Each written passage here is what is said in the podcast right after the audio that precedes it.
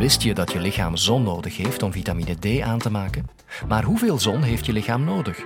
Moet iedereen in de winter vitamine D slikken? Chantal Mathieu is endocrinologe aan de KU Leuven en legt uit hoeveel je nodig hebt. Je luistert naar de Universiteit van Vlaanderen.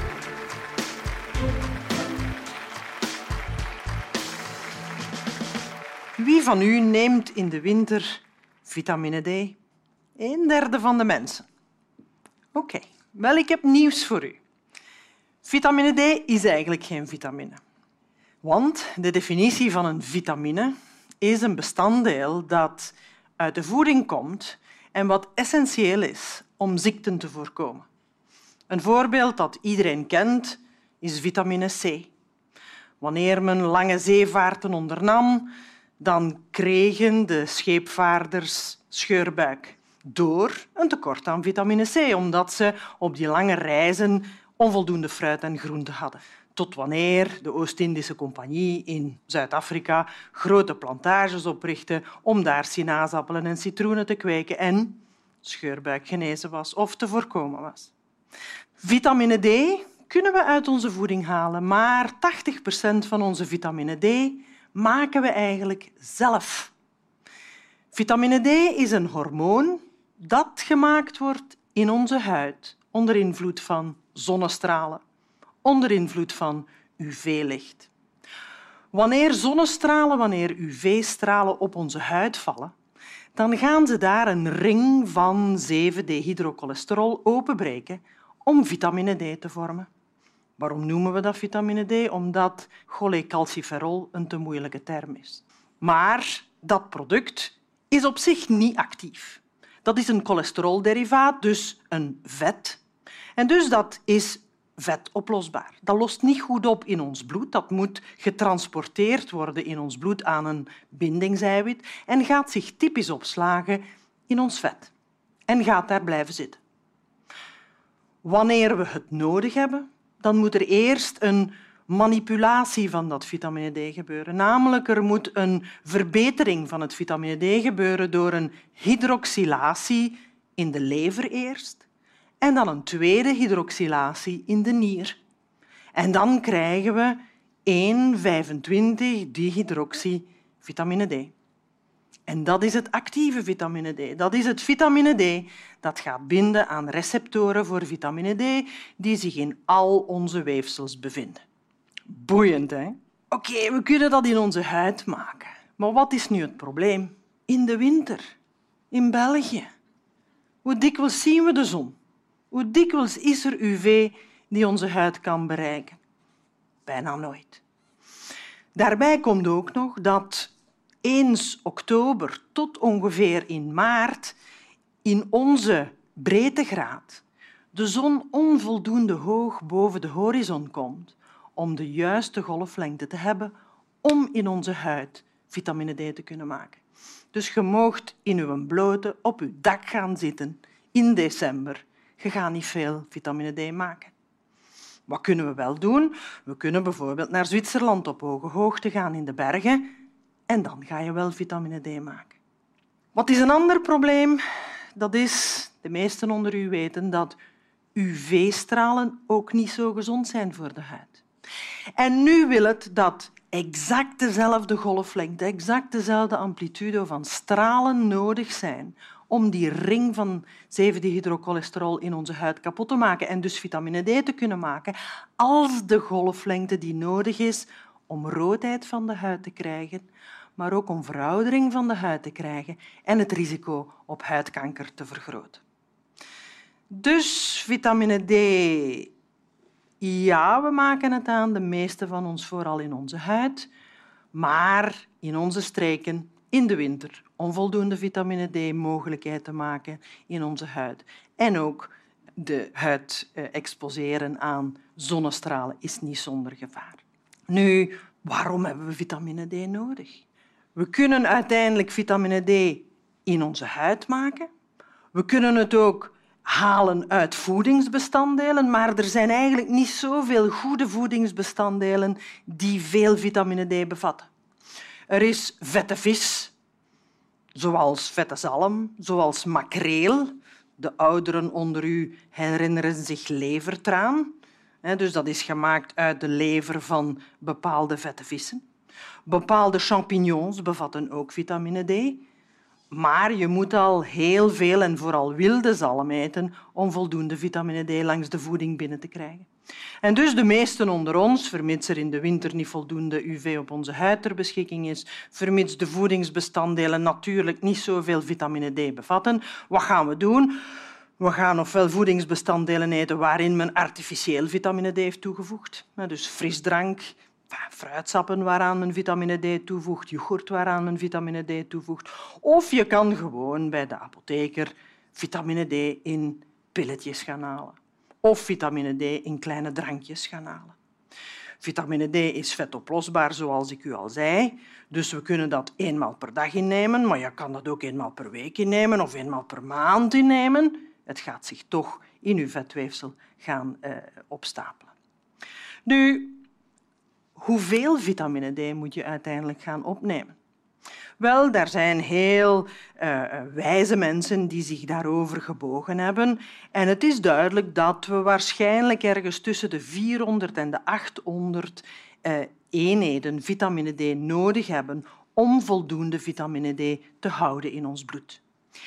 Er zijn echter passionele mensen in het vitamine D-domein die zeggen we hebben veel meer nodig dan alleen maar die 800 eenheden. En ik ga u straks proberen duidelijk te maken waarom er mensen zijn die suggereren dat er meer zou moeten ingenomen worden dan dat we nu doen.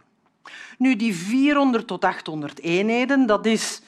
Waarom is er die range?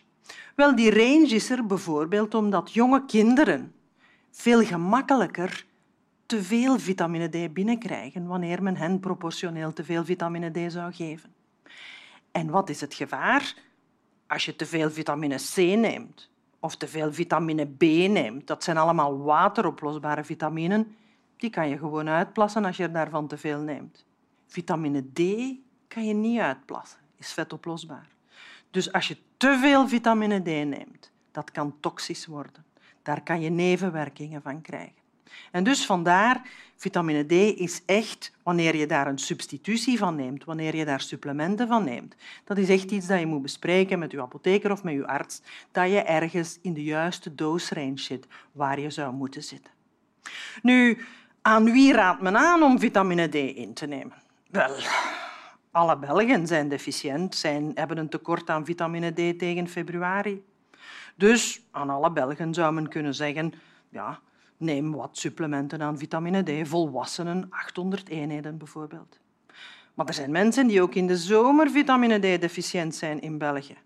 Bijvoorbeeld oudere mensen die in woonzorgcentra verblijven, die weinig buiten komen.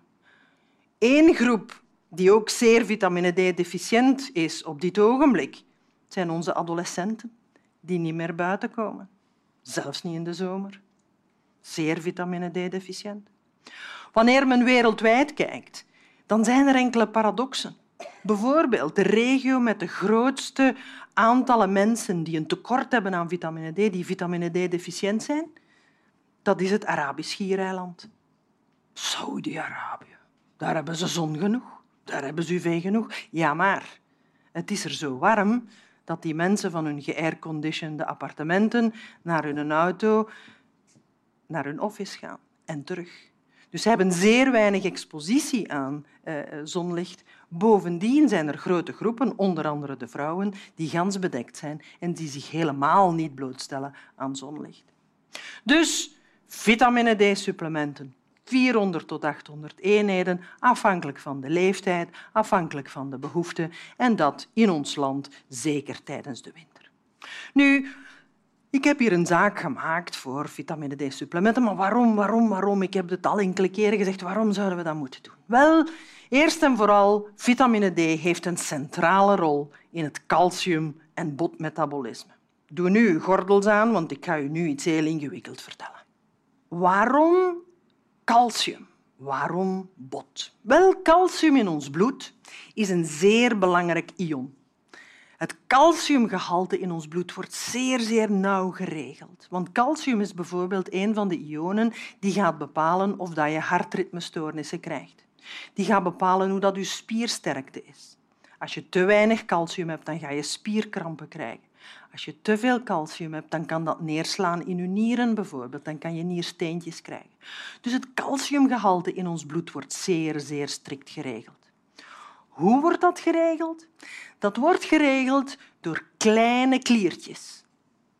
Namelijk de bijschildklieren, ertgrote kliertjes die aan uw schildklier hangen. En die bijschildkliertjes hebben calcium sensing receptors. Die gaan dus continu het calcium in het bloed gaan meten. En wanneer ze voelen dat het calciumgehalte een heel klein beetje zakt, dan gaan ze een hormoon secreteren, bijschildklierhormoon of parathormoon, dat dan ter hoogte van de nier die laatste activatiestap van vitamine D in gang gaat zetten. Dus als onze bijschildklieren voelen dat uw calciumgehalte zakt in uw bloed, komt er meer actief vitamine D. En wat gaat dat actief vitamine D doen? In de eerste plaats ter hoogte van uw darm een betere resorptie van calcium uit uw voedsel geven, om zo opnieuw de spiegel aan calcium op peil te houden in uw bloed. Wanneer er voldoende calcium opgenomen wordt uit de voeding en uw calciumgehalte is genoeg in uw bloed, dan gaat de rest in uw bot opgeslagen worden. Vandaar wat jullie al wisten vooraleer ik begon te spreken. Vitamine D is goed voor uw bot. Ja, op voorwaarde dat er ook voldoende calcium in uw voeding zit. Want wanneer de bijschildklieren bijschildklierhormoon maken en meer vitamine D activeren en er is niks om te resorberen in de darm, waar gaat vitamine D dan zijn calcium gaan halen? Uit het bot. En dus, wanneer je zegt ik neem extra vitamine D om sterke botten te hebben, ja, maar dan moet je ook zorgen dat er voldoende calcium in je eten zit, dat je voldoende melk, voldoende kaas, voldoende yoghurt enzovoort zijn. Anders ga je zelfs een slecht effect op je botten hebben. Nu, Vitamine D is veel meer dan die centrale speler van calcium en bot, zoals we dachten tot een twintig, dertigtal jaar geleden. We hebben bijvoorbeeld ontdekt dat vitamine D echt een centrale rol speelt in het immuunsysteem, in ons afweersysteem. Namelijk, we weten dat muisjes bijvoorbeeld, die een voorbeschiktheid hebben op een immuunziekten zoals type 1 diabetes, wanneer die zeer lage spiegels hebben aan vitamine D, dat die veel hoger risico's hebben op die auto-immune. We weten ook dat muisjes die veel te weinig vitamine D hebben, veel gevoeliger zijn aan allerlei infecties, zoals tuberculose, zoals virale infecties. En eigenlijk weten we dat ook bij mensen. En eigenlijk wisten ze dat ook al in de 19e en in de 20e eeuw. En eigenlijk weten jullie dat ook.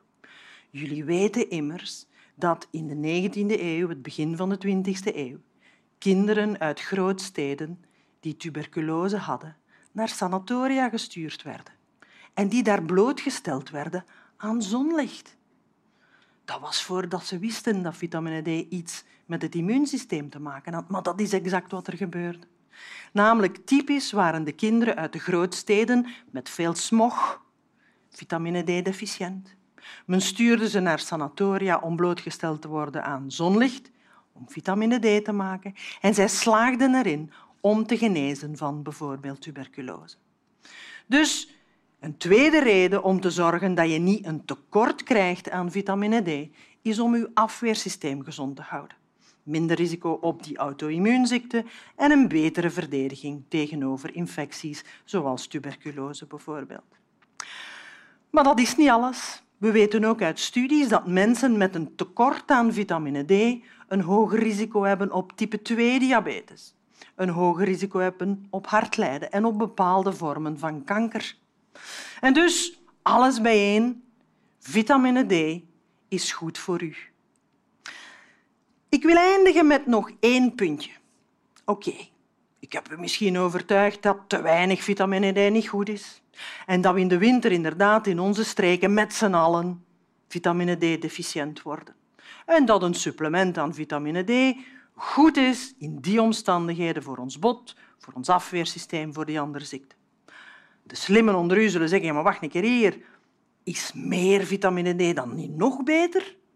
Kan ik extra supplementen nemen? Wel, daar weten we dat er bovenop het aanvullen van iemand zijn vitamine D-spiegels wanneer die al normaal zijn, als je daarboven gaat, dan ga je eigenlijk weinig winnen, tenzij je heel hoge dosissen gaat geven. Maar dan kom je in de problemen. Want dan gaat er nog meer kalk uit je darm opgenomen worden, gaat uw calciumspiegel in uw bloed gaan stijgen. Uw bloed, wanneer het gefilterd wordt in de nier, gaat ook die calcium excreteren en je gaat niersteentjes krijgen, je gaat verkalking van je nieren krijgen en dat is echt niet wat je wil.